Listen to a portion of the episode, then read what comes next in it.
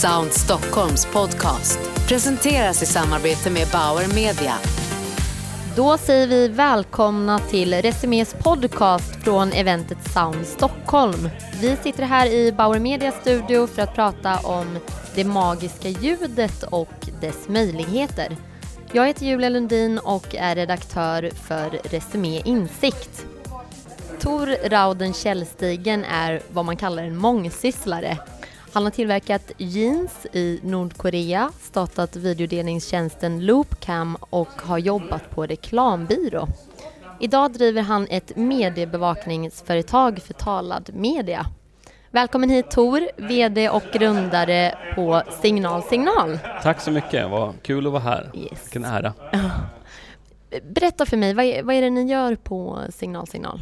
Vi gör en eh, mediebevakningstjänst där vi hjälper företag att få koll på när de nämns i poddar, Youtube, radio och TV. Och vi gör det med hjälp av automatisk röstigenkänningsteknik så att vi har en enorm bredd och djup. Vi har koll på hundratals timmar ljud varje dag.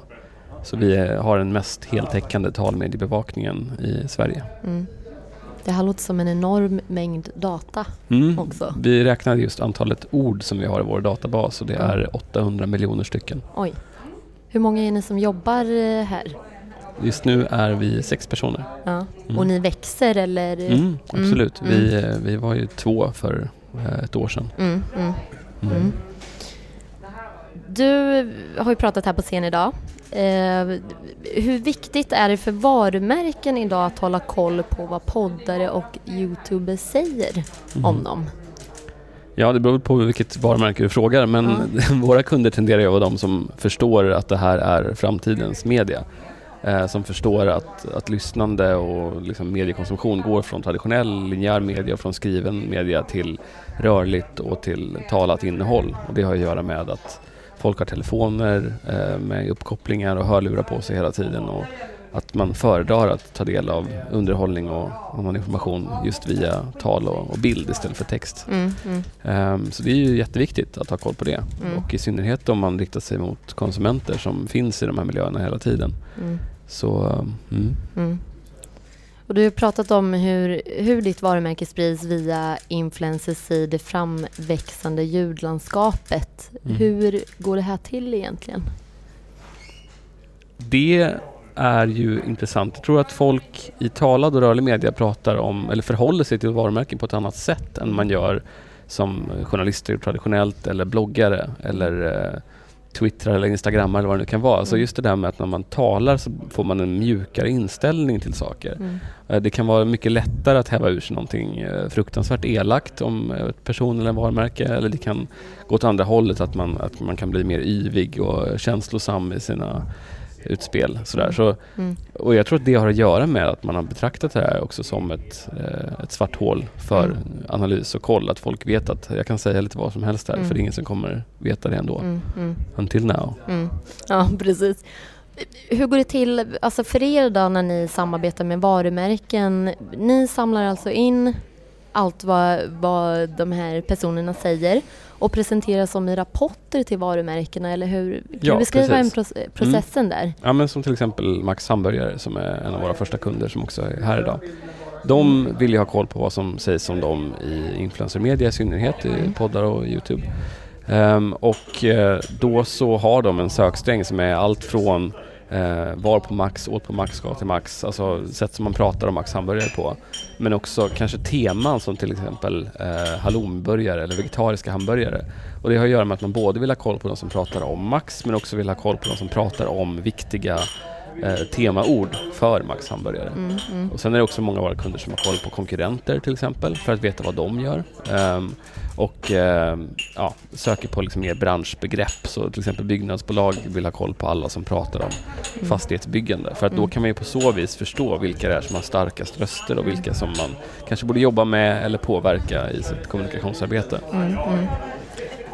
Är ni rätt unika med det här ni gör i Europa eller hur, alltså var är konkurrensen? Ja, så vitt som vi vet så är det ingen annan som har den här heltäckande eh, liksom talmediebevakningstjänsten Mm. som direkt, direkt riktar sig till företag och dessutom har ett fokus på modern influencermedia Mm. och gör det automatiskt. Mm. Eh, där är vi unika i världen så, Mm. som jag förstår det som Mm. och Mm. därför så kommer vi också expandera ehm, väldigt snart till fler marknader. Mm. Sen så finns det ju en rad liksom traditionella mediebevakningsföretag och vissa av dem har gjort mediebevakning av radio och TV framförallt manuellt. Så det har varit människor som har suttit och lyssnat på vad som Mm. Det sägs. är det som skiljer egentligen? Ja precis, det är ju den stora skillnaden. Alltså, dels det här med att vi gör automatiskt och har tämjt tekniken för att göra det. Mm. Men också för att vi har en mycket bredare och liksom holistisk eh, bevakningsbredd så att vi har koll på otroligt mycket mer innehåll såklart eftersom det går att göra automatiskt. Mm. Mm. Eh, så det är bredden, fokus på nya, nya medier och att det är automatiskt då, som är våra grejer. Mm. Hur kan man då maxa effekten som varumärke inom ljudkommunikation skulle du säga? Alltså hur kan marknadsförare få bang for the bucks?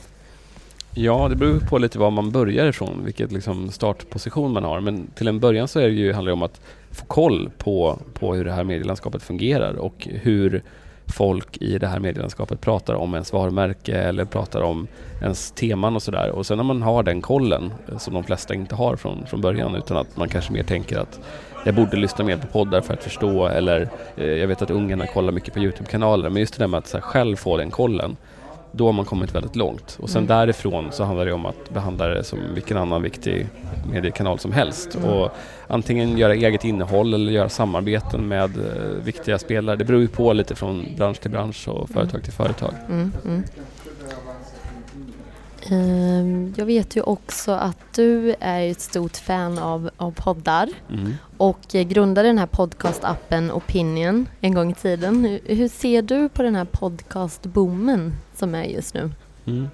Jag har ju, Ljudboomen kanske ja, man ska det, säga. det är ju fantastiskt Ja. och eh, jag har ju väntat på det länge. Ja. Eh, har varit Äntligen. stort fan av poddar sen, sen det blev en grej egentligen och det var ju Mm. mer än tio år sedan som, Mm. som Apple integrerade podcast in som en del av iTunes-ekosystemet och det blev liksom någon, någonting på riktigt.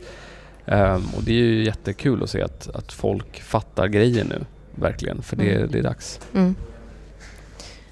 Tror, du, tror du att podcasts kommer växa ännu mer eller alltså kommer vi få se en annan typ av ljud i framtiden? Det är många som har pratat om röststyrning till exempel. Mm. Vad tror du, vad tror du om den eh, utvecklingen?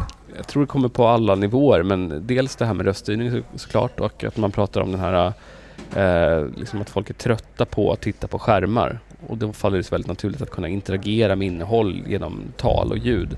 Och då är ju såklart steget till att konsumera innehåll via tal och ljud också eh, väldigt naturligt och Mm. det ser man inte minst med ljudböcker också som har blivit enormt stort. Mm, mm, Och eh, jag tror det kommer dyka upp flera typer av sätt att konsumera rörligt och talat innehåll som kanske inte är poddar eller Youtube-kanaler eller ljudböcker utan att man kommer experimentera och det kommer hända nya saker som vi inte har en aning om än Mm, så länge. mm. Och det ser jag också som en viktig del av vårt arbete att vara längst fram i den utvecklingen och hjälpa folk att ha koll och säga att så här, nu borde du ha koll på det här fältet också. mm, mm, Och det kan handla om eh, livesändningar ehm, eller vad det nu kan vara. mm.